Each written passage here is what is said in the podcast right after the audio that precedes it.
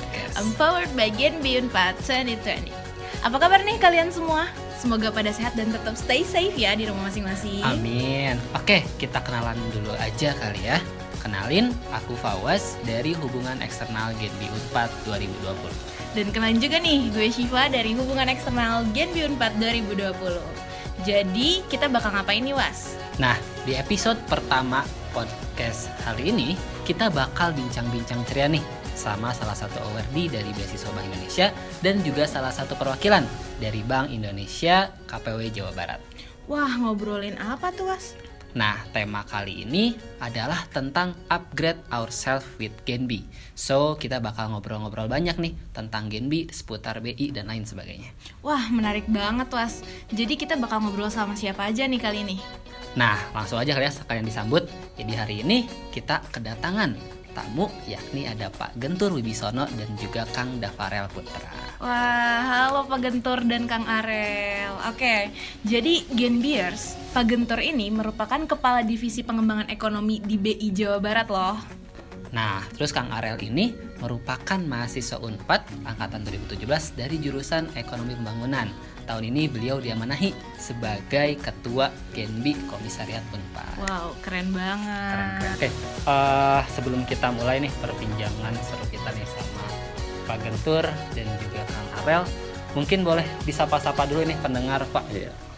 Genbi Unpad, apa kabar semuanya? Sukses you guys. Dan ini juga saya pikir kita juga podcast ini buat seluruh publik ya, khususnya remaja ya. Betul. Di mana teman-teman menilai anak-anak kampus, mungkin juga anak SMK, anak SMA ya. Mereka juga mungkin happy. Terus gimana sih Gen B itu dan ngapain sih anak Unpad itu mainan podcast dengan Gen B dan Bank Indonesia kan? Oke, aku sapa semuanya, teman-teman khususnya generasi milenial ya. Untuk Indonesia yang merdeka, sukses, juara khususnya yang ada di Jawa Barat ya. Juara lahir batin. Assalamualaikum warahmatullahi wabarakatuh. Welcome to podcast Unpad ya. Oke. Oke. Kang Arel boleh disapa juga? Oke, assalamualaikum warahmatullahi wabarakatuh. Selamat siang semuanya. Perkenalkan mungkin terlebih dahulu Pak, nama saya Dafarel. Oke, dadah Iya. Farel. Oke, biasa dipanggil Arel. Sebelumnya mau ngucapin terima kasih Ya. banyak Pak untuk Pak Gentur selaku, selaku pembina juga ya Pak di Genbi ini. Ya. Khususnya untuk Genbi Unpad itu sendiri juga sudah berkenan hadir Pak untuk pembuatan podcast kita di siang hari ini. Mengucapkan terima kasih juga buat teman-teman dari hubungan eksternal yang sudah memfasilitasi adanya podcast dari Genbi Unpad ini. Oke, mungkin salam-salam, sapa untuk semuanya, sehat selalu dan semangat selalu di mana pun berada. Oke. Jadi eh, di podcast kali ini kita bakal berbincang seru tentunya ya tentang Genbi. Nah sebagai pembuka nih aku mau minta pendapat dulu nih buat Arel. Eh, menurut Arel sendiri Genbi itu apa sih? Oke, menurut pribadi ya. Oke, Gen B itu adalah dari merupakan singkatan dari generasi baru Indonesia. Yang singkat jadi Gen B. Merupakan suatu komunitas ya penerima beasiswa dari Bank Indonesia. Beasiswanya ini merupakan salah satu program dari Bank Indonesia itu sendiri dari program sosial Bank Indonesia atau masuknya di PSBI di mana salah satu tujuan dari adanya Gen B ini adalah untuk menjadi energi baru lah untuk masyarakat sehingga dia bisa berkontribusi aktif untuk kemajuan negeri. Makanya itu juga kenapa hashtagnya atau uh, jargonnya itu selalu energi untuk negeri gitu. Cakep ya. Oke, jadi kita biar jadi semangat baru lah ya untuk iya negeri. Dari Gen B itu sendiri mempunyai tiga fungsi nih teman-teman. Iya. Yang pertama itu sebagai agen of change, di mana kita itu sebagai agen pembaharuan lah, ya kan untuk kemajuan negeri. Terus yang kedua juga sebagai frontliner, kita menjadi suatu garda terdepan dalam pemberian informasi yang terkaitan dengan Bank Indonesia itu sendiri. Dan juga yang terakhir itu kita sebagai future leader. Kita di Genbi ini oleh Bank Indonesia dibimbing dan dididik untuk menjadi calon penerus pemimpin di masa depan. Alhamdulillah Oke. Indonesia jago dah. Oke, mungkin itu sedikit pandangan ya tentang Genbi itu. Iya, Pak. bermakna sekali ya Genbi buat Kang Arel. Oke, Iya. nah ngomong-ngomong tentang Genbi, mungkin boleh tadi kan dari Kak Arel, dari Bapak sendiri, sebenarnya kenapa sih Pak Bank Indonesia ngasih beasiswa untuk para mahasiswa? Iya.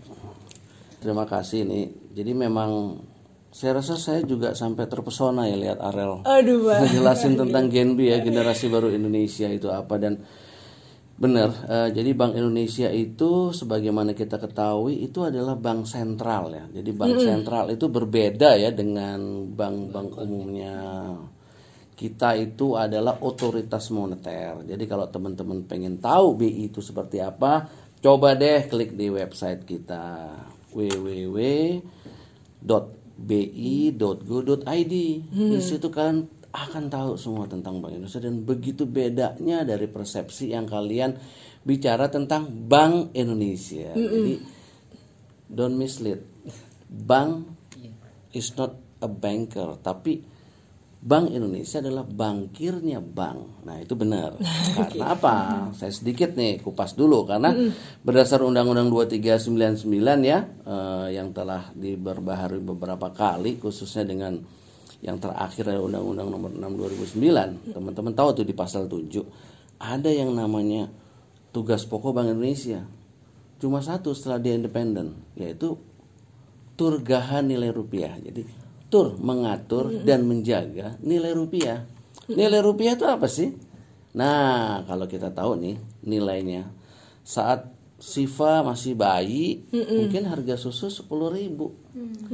Umur dia sekarang susunya udah jadi udah 20 ribu lah misalnya. Berarti kan ada kenaikan harga ya, harga secara umum. Itu rupiahnya kalau tidak terjaga berarti akan terus menerus dia menggerogoti rupiah kita yang disebut dengan inflasi. Di sisi lain kalau tidak ada kegiatan ekonomi seperti pandemi ini kita tahu kita senang dong inflasi sepertinya rendah tapi sebenarnya terjadi deflasi. Penyebabnya apa? Nggak ada transaksi, Bang, gitu. Guys, jadi kamu punya barang, punya ini anak-anak mau belanja, mau ini, you punya keinginan, punya uang, tapi barangnya nggak bisa nyampe. Kenapa? Distancing dong. Nah, terjadilah deflasi. Itu juga BI nggak nyaman karena berarti growth atau pertumbuhan ekonomi nggak jalan.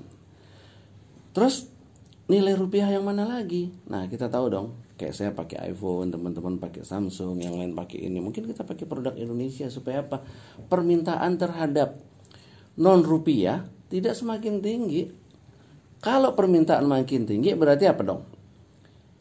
Hukum ekonomi di mana makin tinggi harga dia naik dong. Berarti non rupiahnya naik, rupiahnya turun dong. Nilai tukar kita coba balik mindset itu atau kita maintain sehingga rupiah bisa terjaga di nilai yang sesuai dengan fundamentalnya. Sehingga teman-teman nih khususnya para guys yang disebut generasi baru Indonesia yang katanya menjadi calon pemimpin kita harus berpikir ke situ. Jadi dengan mencermati pasal 7 saja kita udah tahu oh tugas BI beda banget ya dengan banknya. Terus kenapa BI ngurusin beasiswa?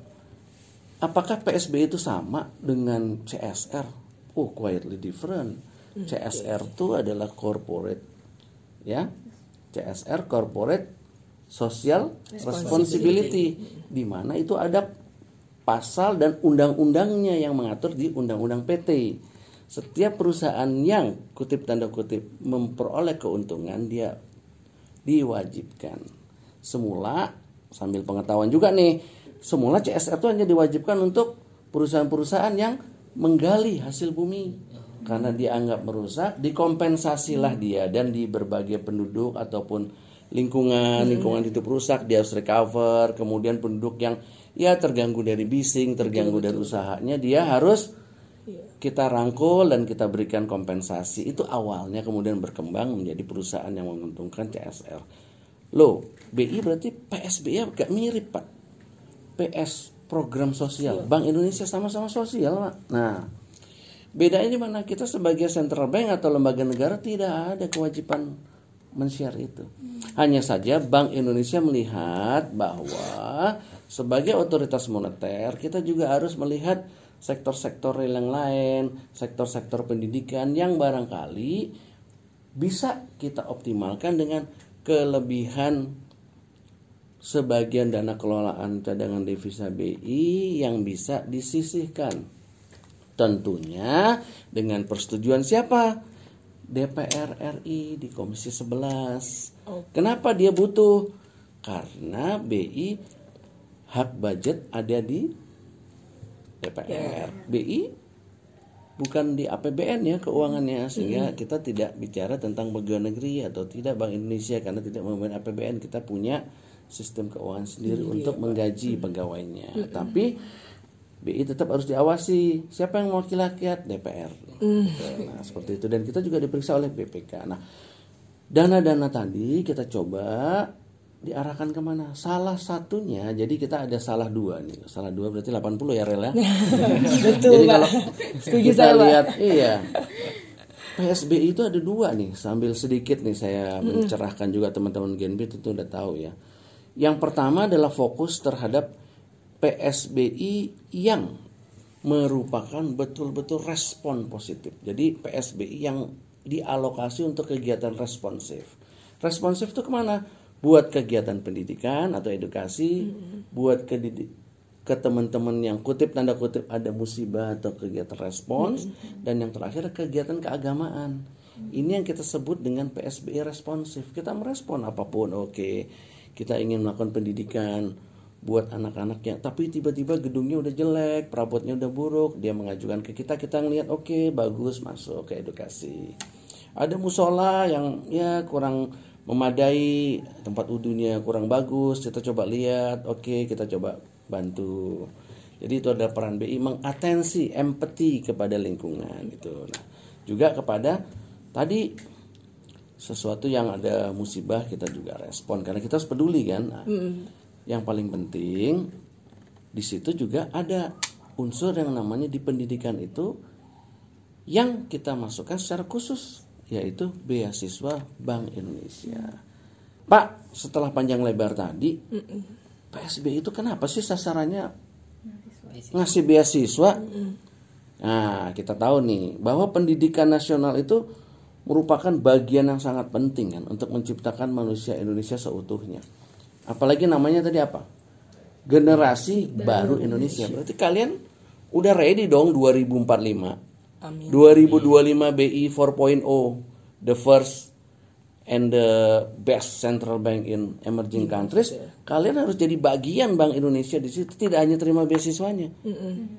Tapi kita harus menyiapkan kalian memperoleh pendidikan yang layak karena itu hak asasi memiliki hak pendidikan. Itu yang pertama. Yang kedua pendidikan adalah investasi kalian. Uang salah kelola bisa. masuk investasi pendidikan itu langsung masuk ke dalam diri kalian dan itu adalah di dalam ilmunya menempel. Itu yang kita memang ke sana. Jadi tantangan dunia yang mendasar adalah apa?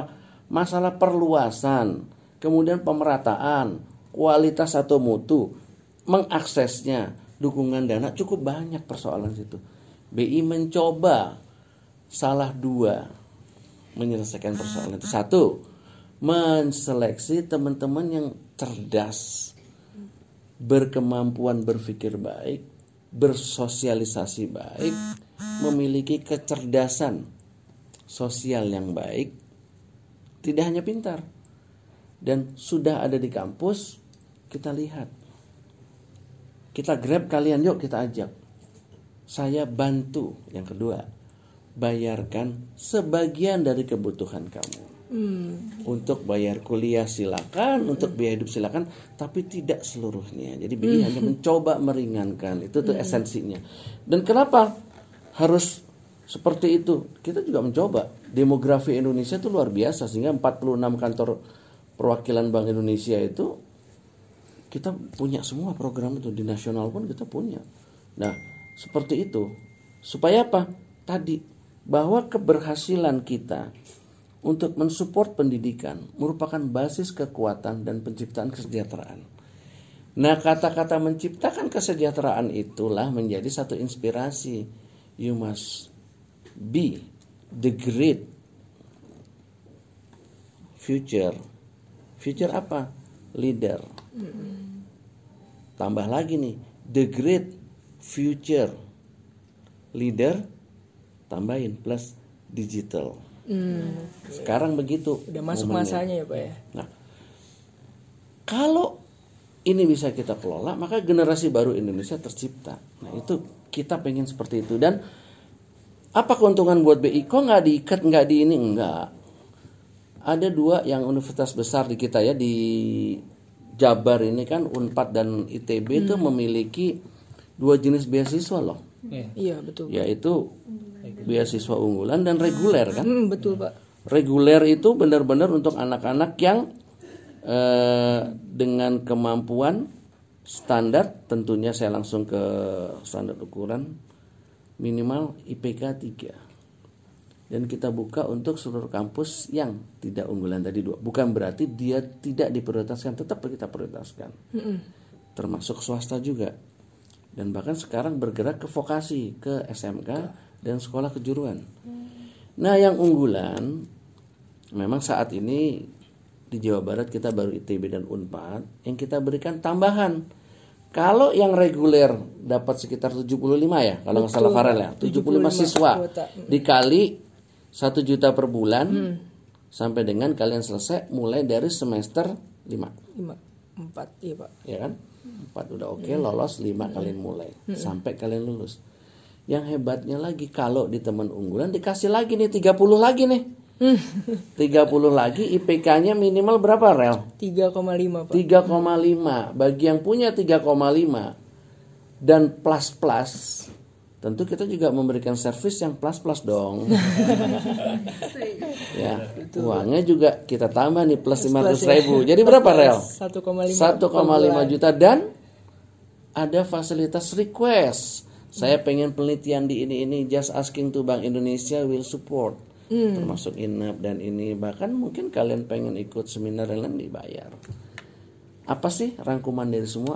Kita pengen warga Indonesia khususnya nih anak-anak Unpad dan seluruh pendengar di podcast Unpas Unpad itu harus tahu bahwa keinginan Bank Indonesia cuma satu, menciptakan manusia unggul berbasis pengetahuan, teknologi, dan yang sekarang berbasis digital. Yang akan membawa Indonesia berjaya di 2045 karena that is your word. you must start from now. Itu mungkin message-nya ya. Mudah-mudahan dengan cerita panjang BI-nya dapat, Hmm, Gen kenapa BI ada, ngurusin apa dan ujungnya oh ujungnya ke situ ya. Farel, Hmm, kamu yakin nggak setelah kamu jadi penerima beasiswa BI dan masuk ke GNB, yakin kamu unggul? Insya Allah pak banyak manfaatnya yang didapat pak di sini. Saya kan boleh nanya juga, menjadi unggul sebelum masuk GNB dan terima beasiswa sama sebelumnya apa dong? Teman-teman kan juga pengen tahu dong. Iya. Hello you guys, you must asking. betul betul pak. Oke, eh, mungkin tadi eh, pertanyaannya kayak apa sih yang didapatkan di Gen B ini kali ya? Mungkin spesifiknya ke arah sana kali ya. Oke, mungkin kalau secara manfaat tadi ya pak, yang tadi mungkin bapak sudah mention juga ya, kita itu mendapatkan berupa bantuan pendidikan ya pak ya. Tapi gak hanya itu aja nih mungkin teman-teman semua juga sebagai pendengar dari podcast ini. Jadi apa yang saya rasakan di Gen B ini kita banyak diberikan pelatihan pak bagi sisi kepemimpinan dari kebang sentralannya yang di mana tadi sudah dijabarkan juga kita di- dibimbing untuk menjadi calon pemimpin masa depan. Ya. Gitu. Sehingga eh, mempunyai kebermanfaatan lah secara meluas untuk masyarakat atau untuk negeri ini gitu. Terus di Genbi ini sendiri eh, dari saya pribadi juga dididik nih pak untuk bisa menjadi sesuatu indi- seorang individu yang memiliki arti. Ya. Bisa berkontribusi aktif ya nyata untuk masyarakat itu ya pak. Oke. Iya dong, harus. terus juga di Genbi ini kita belajar untuk bisa menjadi pribadi yang profesional pak karena kita kan juga di sini selain sebagai penerima beasiswa tapi juga berusaha untuk membangun suatu komunitas Genbi-nya itu sendiri ya pak Oke.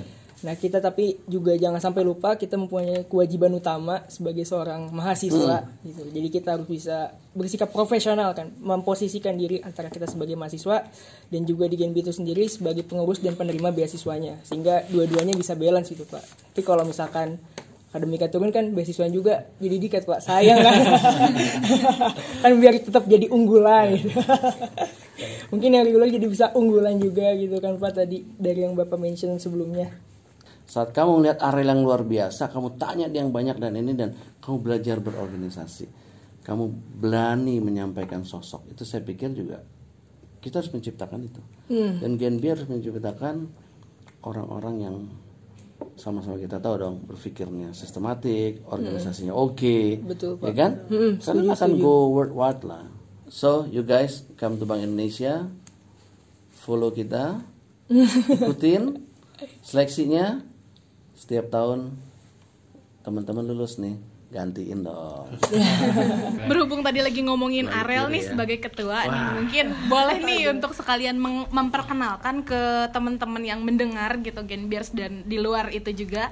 Uh, boleh dong Kang Arel diceritakan nih di tahun ini uh, ketika Kang Arel jadi ketua apa aja sih program yang akan diadakan dan atau mungkin sudah diadakan gitu oleh Genbi Unpad 2020. Jadi untuk Genbi terutama untuk Genbi 4 di tahun 2020 sampai nanti nanti 2021 ya Pak ya. Ini kita memiliki visi untuk menjadikan generasi baru Indonesia Komisariat Universitas Pajajaran atau Genbi Unpad yang bermanfaat, bersinergi, adaptif, inovatif dan unggul. Itu kalau disingkat jadinya ini Pak, Genbi Unpad bersatu. Keren Biar bisa jadi hashtag gitu Pak di sosial media gitu kan Pak. Biar ada kesan inklusifnya gitu Pak. kan. Tujuan-tujuannya gitu kan. Yang mana tadi dari visinya itu juga pastinya lah ya. Kita berkaca dari visi ataupun tujuan dari Bank Indonesia itu sendiri terutama untuk kenapa sih tadi yang udah jelasin juga dengan Pak Gentur adanya beasiswa Genbi ini gitu kan. Di Genbi 4 ini sendiri karena alhamdulillah ini Pak memang ngucapin terima kasih Ya. banyak juga untuk Bank Indonesia. Jadi kita alhamdulillah sudah banyak nih orangnya kan Pak ya. Karena tadi udah ada beasiswa yang sifatnya unggulan dan reguler dengan totalnya itu ada 105 Ya. gitu ya Pak. Jadi kita dengan yang pastinya sumber daya manusianya tadi udah diseleksi itu yang unggul-unggul dan berkompeten ya Pak. Sehingga kita membagi ke dalam eh, 13 divisi di Gen 4 sekarang gitu Pak supaya bisa masuk semua yang dibawa oleh empat departemen kayak gitu Pak ya.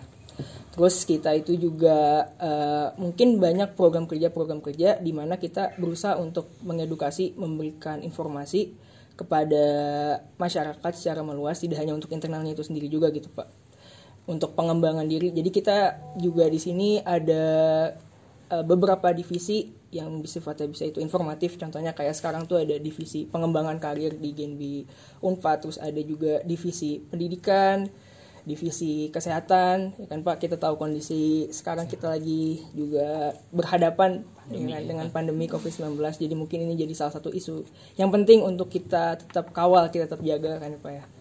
Terus juga selain itu yang pastinya juga ada terkait ekonomi dan kebangsaan sentralan itu sendiri Pak karena kan tadi tujuan kita ada salah satunya menjadi frontliner ya terkait informasi dari Bank Indonesia itu sendiri. Nah terus juga di Genbi ini sendiri ya kan tadi eh, selain yang sifatnya itu mungkin dalam pengembangan diri ya Pak ya kita juga ada tuh Pak yang sifatnya mungkin minat dan bakat juga pengembangannya dalam minat dan bakat. Jadi di Genbi 4 ini sendiri sekarang di tahun ini ada divisi yang mewadahi minat teman-teman yang suka sama seni budaya dan olahraga Oke. kayak gitu Pak. Selain kita wadahi juga memberikan informasi seputar hal tersebut, terus juga ada investasi dan pasar modal. Karena ya salah satu hal yang penting ya Pak kita bisa menjadi orang yang mempunyai literasi keuangan yang baik gitu kan, inklusi keuangannya terjaga karena banyak penelitian yang bilang dengan literasi keuangan yang tinggi itu bisa meningkatkan angka kesejahteraan. Kayak gitu kan ya. Kayak amin lah insya Allah gitu bisa kita kawal dari Iya, sekarang. dan yang pastinya dan gak kalah pentingnya itu juga tentang pengabdian itu sendiri pak jadi di sini pastinya juga ada divisi yang mewadahi teman-teman nih yang kiranya ingin mencurahkan jiwa sosialnya gitu kepada masyarakat sekitar atau masyarakat secara meluas gitu kan pak ya. Kalau untuk proker pengabdiannya sendiri di Genbi 4 mungkin secara garis besar itu ada dua yang insya Allah akan dijalankan tahun ini yang pertama itu ada Genbi 8 atau Ability in Disability jadi kita berusaha untuk memberdayakan teman-teman disabilitas nih Pak. Keren, sifatnya itu kayak socio entrepreneur. Oke. Jadi nanti kita berusaha memasarkan suatu produk tapi ada yang spesial nih Pak. Nah, yang spesialnya itu adalah gimana kita membuat produk itu hasil karya dari teman-teman disabilitasnya itu sendiri. Nanti kita bantu untuk pasarkan gitu ke masyarakat secara luas. Kayak gitu nih buat teman-teman juga pendengar podcast.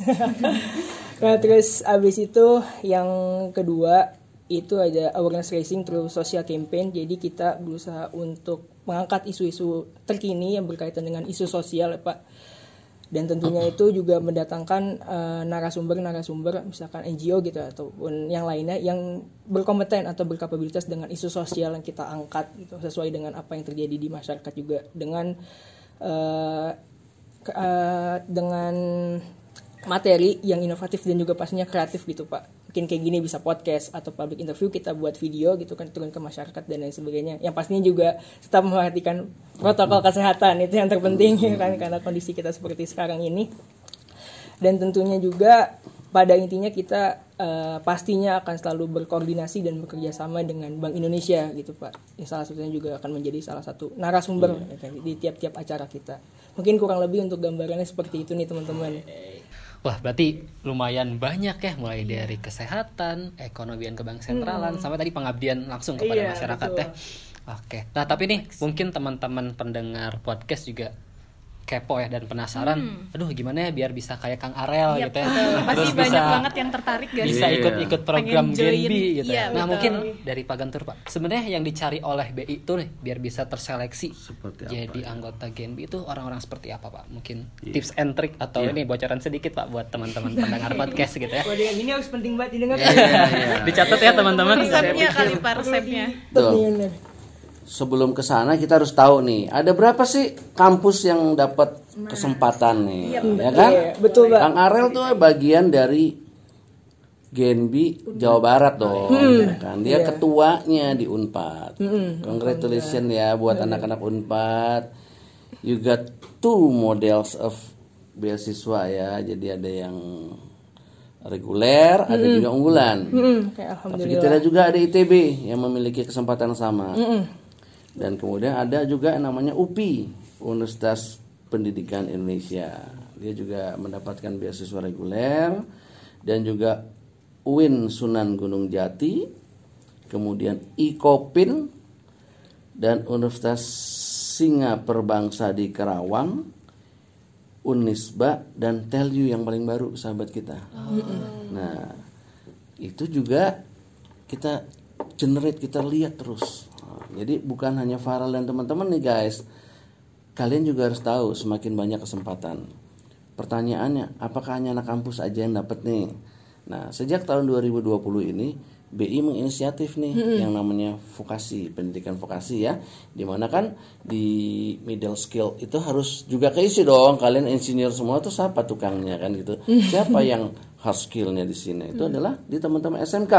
Dan congratulations nih buat SMK Pertanian di Lembang dan SMKN 1 Bandung. Ele, tepuk tangan juga nih. Mulai tahun Kalian ini ya, juga ya? harus iya menjadi bagian daripada talented eh, person yang ada khususnya di Jawa Barat ya. Dan tadi pertanyaannya bagus banget. Saya nanti juga ada penyimpan pertanyaan nih ke si Farel nih ya. Kata dia bilang, saya begini, saya begini, saya begini. Nah, saya tanya sekarang, kamu saya kasih kesempatan mikir.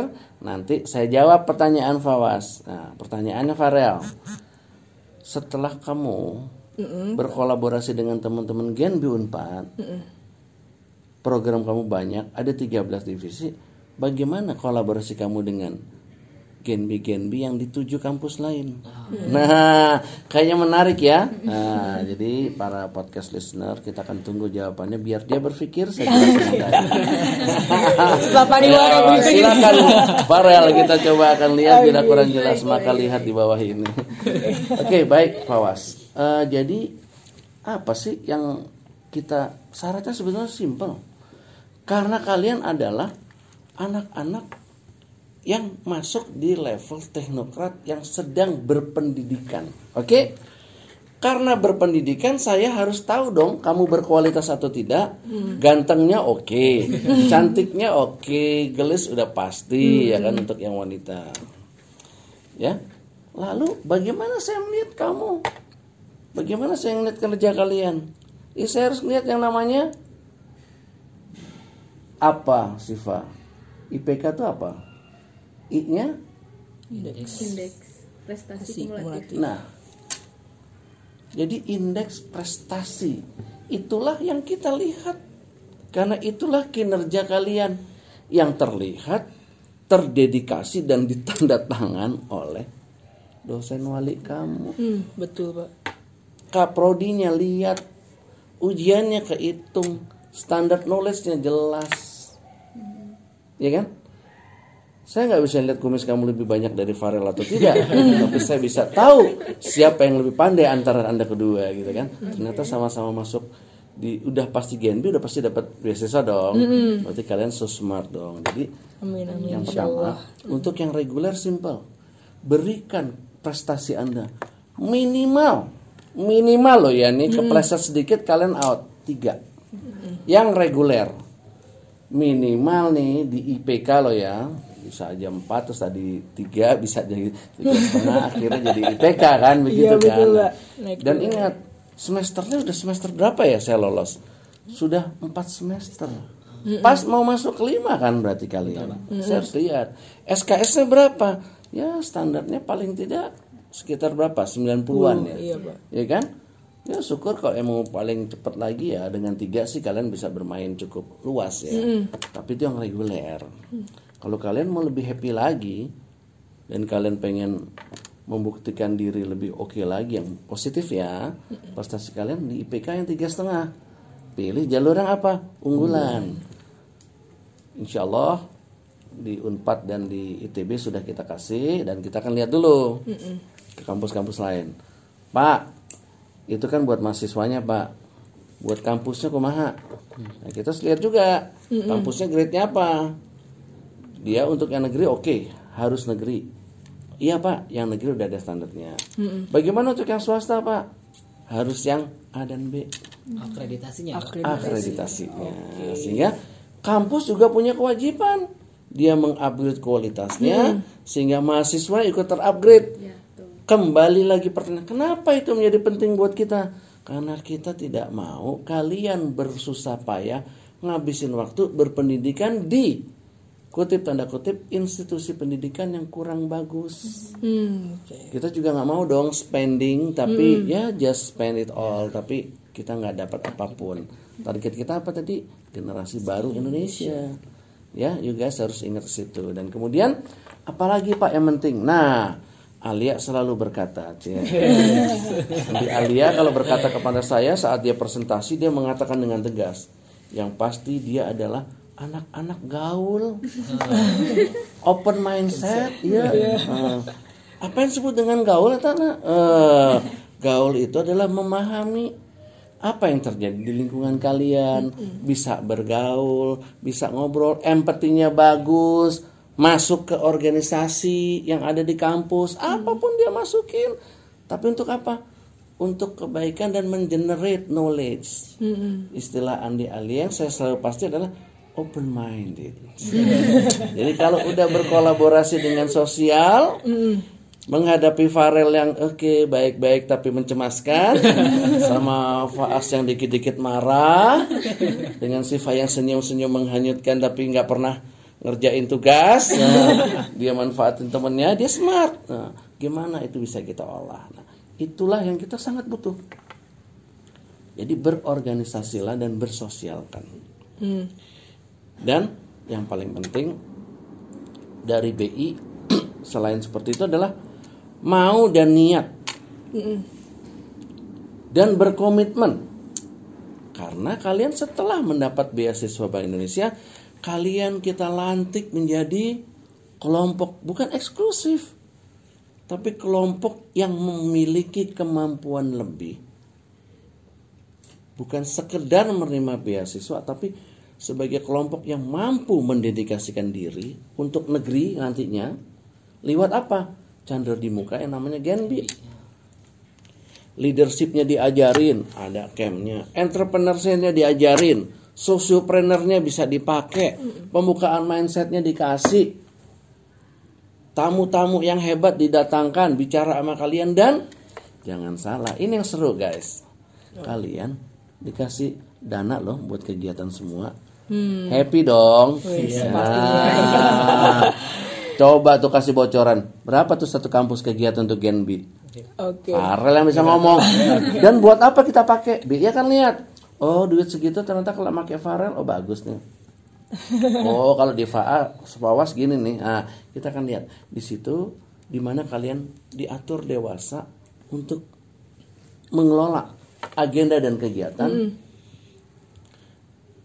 tidak menjadi individual tapi menggrab seluruh anggota menerima seluruh pemikiran dengan divisi tadi dan melemparkan. Apakah hanya untuk Gen B? Tidak. Ada set efeknya. Buat siapa?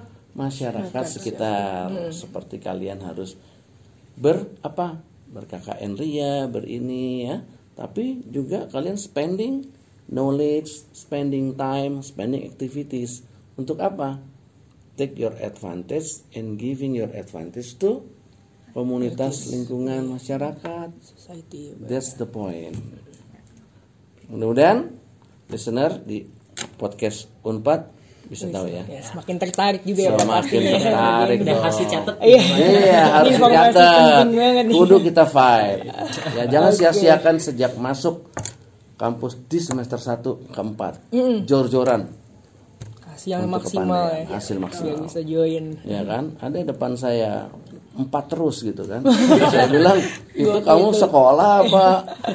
Kalau saya Keren, empat terus ya. sempurna ya Ada sedikit yang udah di highlight tadi ya sama Pak Gentur terkait teman-teman harus menyiapkan IPK-nya nih biar bisa lolos menjadi syarat sebelum mendaftar di beasiswa Bank Indonesia. Dan ada syarat-syarat lain juga ya. Betul, kayak Harus aktif benar, juga ya. benar. berorganisasi, bersosialisasi itu harus banget dimiliki oleh si pendaftar. Iya betul Beasiswa banget. Indonesia. Tuh, didengerin ya Gen Viewers. Oke. Dan satu lagi tadi berkomitmen untuk Iya. berkontribusi dan berdedikasi betul, diri pastinya. untuk Genbi itu sendiri. Oke. Tadi mungkin yang pertanyaan Pak Gentur untuk Ada, Kang Arel. Boleh dijawab. Iya harus jawab dong. Jadi gimana peran kamu dan kolaborasinya? Oke tadi mungkin kita sekarang juga udah jam- masuk ke zamannya berkolaborasi apa bukan Iya. zamannya bersaing lagi apa ya. Jadi alhamdulillah mungkin tadi juga mungkin sebelumnya belum di mention. Jadi salah satu manfaat nih pak ya, yang buat teman-teman juga yang kita dapetin tidak hanya untuk pengembangan diri kita sendiri, tapi di sini tadi ada networking yang terbentuk gitu. Kita bisa menjalin relasi secara meluas. Tidak hanya di antar jurusan atau antar fakultas di univ kita gitu misalkan di Unpad, tapi dengan berbagai macam univ yang tadi dibawain di Bandung ya Jawa Barat itu ada tujuh univ lainnya, delapan berarti sama Unpad. Dan gak hanya itu juga, seperti yang mungkin sudah kita laksanakan beberapa waktu lalu, itu ada leadership camp nasional. Jadi kita bisa kenalan gak hanya di sebatas Jawa Barat aja nih teman-teman, tapi bisa secara nasional, secara Nusantara kayak gitu. Nah, alhamdulillah juga secara struktural di organisasi Genbi itu sendiri, mungkin di Genbi Jabarnya itu ya Pak ya, Jawa Barat ini kita di Genbi Bandung ada lagi nih Pak organisasinya kan Pak dipimpin sama Kamara yang dari UIN gitu Ya. Pak. Nah, di situ juga kita eh, bersinergi gitu Pak, berkolaborasi. Jadi dari tiap-tiap kampus itu mengirimkan perwakilannya lah untuk bisa menjadi pengurus di Genbi Bandung. Salah satunya ada di sini nih Alia Pak dari Unpad kan. Udah aktif di Unpad, aktif juga di Bandung nih Pak. Nah, harus dong. ya. Masya Allah ya. kurang ya Iya, harus Bandung gitu. Iya. Nah mungkin dari adanya wadah tersebut lah kita akhirnya bisa saling berkoordinasi ya berkolaborasi juga tiap-tiap ada program kerja. Jadi kita juga setiap uh, univ yang ingin melaksanakan suatu program kerja pastinya kita ya saling jakom lah saling mengabari satu sama lain gitu. Dan juga kita mungkin juga kadang suka ber ya rapat bersosialisasi itu kayak gimana nih kita mungkin ada sesuatu yang bisa kita ciptakan bersama pak. Jadi sudah ada wadahnya dan alhamdulillah juga nih dari bank Indonesia sudah mewadahi hal tersebut itu pak. Oke. Oke. Nih saya nambahin dikit nih. Buat mengingat nih. Tujuan beasiswa Bank Indonesia itu apa sih? Kan tadi kita udah tahu tuh tujuannya memeratakan ini pasti adalah meningkatkan partisipasi pendidikan ya. Itu Jelas. Kemudian yang kedua meningkatkan motivasi kalian belajar. Ini ingat nih. Dan di saat pandemi ini justru banyak inovasi-inovasi baru, peradaban baru dan jangan pernah berpikir kalian akan kembali ke masa yang kemarin tapi ada akan adaptasi baru ya kemudian yang pasti adalah meningkatkan prestasi kalian. Makanya tadi saya tanya duit ngaruh nggak? Eh ngaruh guys. Ya, Ya kan? Nah, itu jujur namanya. Dan yang pasti saya sedikit menambahkan. Kita tahu kan dunia semakin terglobal ya. Dengan digital semakin lagi terbuka borderless. Jadi syaratnya Fawas tadi ada juga you must have the bukan bahasa ibu saja bahasa Sunda yang bahasa Indonesia. You must know ya mungkin TOEFL-nya harus bagus ya. TOEFL minimal 500 dari PBT atau ITP kemudian TOEFL IBT-nya di 61 atau TOEFL CBT-nya 173 IELTS-nya di 6 dengan dokumen dan tadi yang komitmen tadi kan kalian bikin letter kan? Letter of commitment. Jadi kita saat penseleksi nih, saya sebagai salah satu tim sangat melihat itu. Jadi kalian akan menjadi leadership yang apa? Leadership yang entrepreneur mindset, leadership yang digital thinknya, ya, dan future think dan kemauan menjadi leader yang membawa pembaruan menjadi komitmen kalian. Tepuk tangan dong buat Genbi. Keren banget ya Pak. Iya kan? Keren kan? Kalian bangga nggak sih sebenarnya? Saya mau nanya nih ada Bangga empat banget. teman saya di sini. Iya bangga dan bersyukur ini Pak. Bersyukur ya. Pastinya bersyukur banget. Nah, bisa jadi adanya bagian podcast ya. ini harus jadi bagian men-trigger ya. Dan mungkin ini terakhir mungkin Pak, mungkin ada pesan atau harapan dari Bapak untuk teman-teman Genbi, baik Genbi Unpad maupun Genbi Genbi komisi lainnya, dan juga mungkin Dan calon-calon Genbi ya. betul Pak, Iya, dan betul. pesan untuk calon-calon Genbi. Iya betul. Sekalian closing statement juga mungkin Pak. Nah, ya boleh Pak. Eh, guys, yang pasti adalah saya beruntung ya bisa bicara di teman-teman seluruhnya nih ya, khususnya dari kepanitiaan Genbi Unpad dengan external relationnya kalian mengadakan podcast. Podcast ini terbuka buat semua dan jadikan pembicaraan di podcast ini sebagai suatu obrolan santai tapi sangat bermakna. Hmm, benar-benar. Amin Allah. Artikan investasi waktu kalian menekan podcast ini menjadi salah satu trigger untuk kalian memperoleh pendidikan. Itu hak kalian. Ya kan? Dan Bank Indonesia ada di situ buat apa? Mensupport sebagian pendanaan dan memberikan kesempatan menjadi leader lewat komunitas Gen B generasi baru Indonesia dengan berbagai kriterianya. Dan kami dari Bank Indonesia tentunya mengajak seluruh putra-putri terbaik khususnya yang mendengarkan podcast ini di Jawa Barat atau di mana pun untuk menghubungi pihak Bank Indonesia di 46 kantor perwakilan Bank Indonesia apa aja cari di website Bank Indonesia www.bi.go.id gimana beasiswanya. Dan capai dan raih beasiswa Bank Indonesia gapai nilainya ambil manfaatnya ya. Jadikan semua merupakan pendukung kalian untuk menjadi pemimpin bangsa kita. Khususnya kelebihan demografi kita di 2045 harus kalian isi. So you start from now take your advantages join with Bank Indonesia. Sukses adalah anda. Karena anda adalah sukses itu sendiri. Oke. think great. Mantap ya. think beautiful. Oke. the magic of thinking big and using the power of networking that is my closing remark Kedua gitu ya.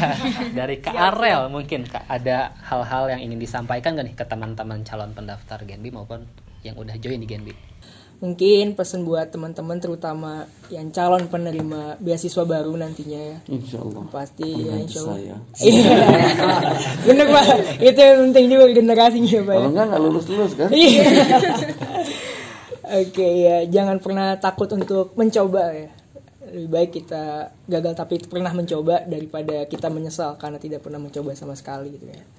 Terus setelah jadi seorang pembelajar untuk bisa mengembangkan diri yang tadi juga sudah dimention oleh Pak Gentur, jadilah aktif karena menjadi salah satu persyaratan juga ya untuk menjadi penerima beasiswa Genbi itu sendiri. Ya aktifnya itu bisa dengan berorganisasi di kampus ataupun juga aktif yang secara akademik ya ikut perlombaan ataupun juga yang non akademiknya itu sendiri.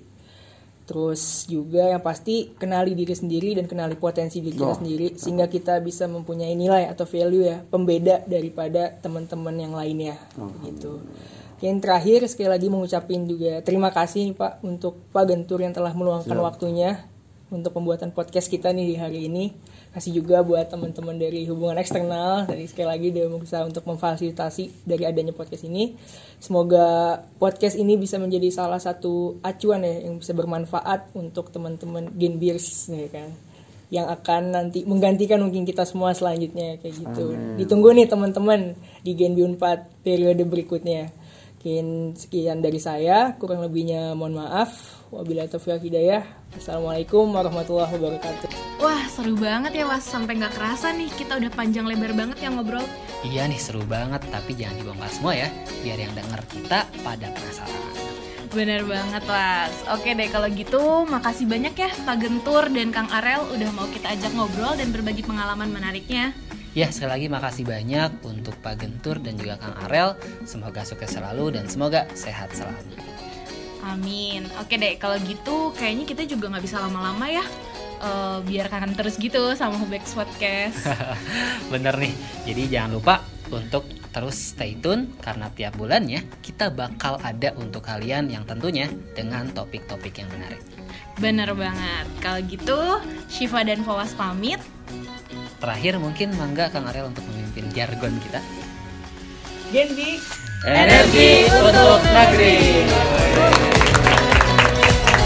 Riata.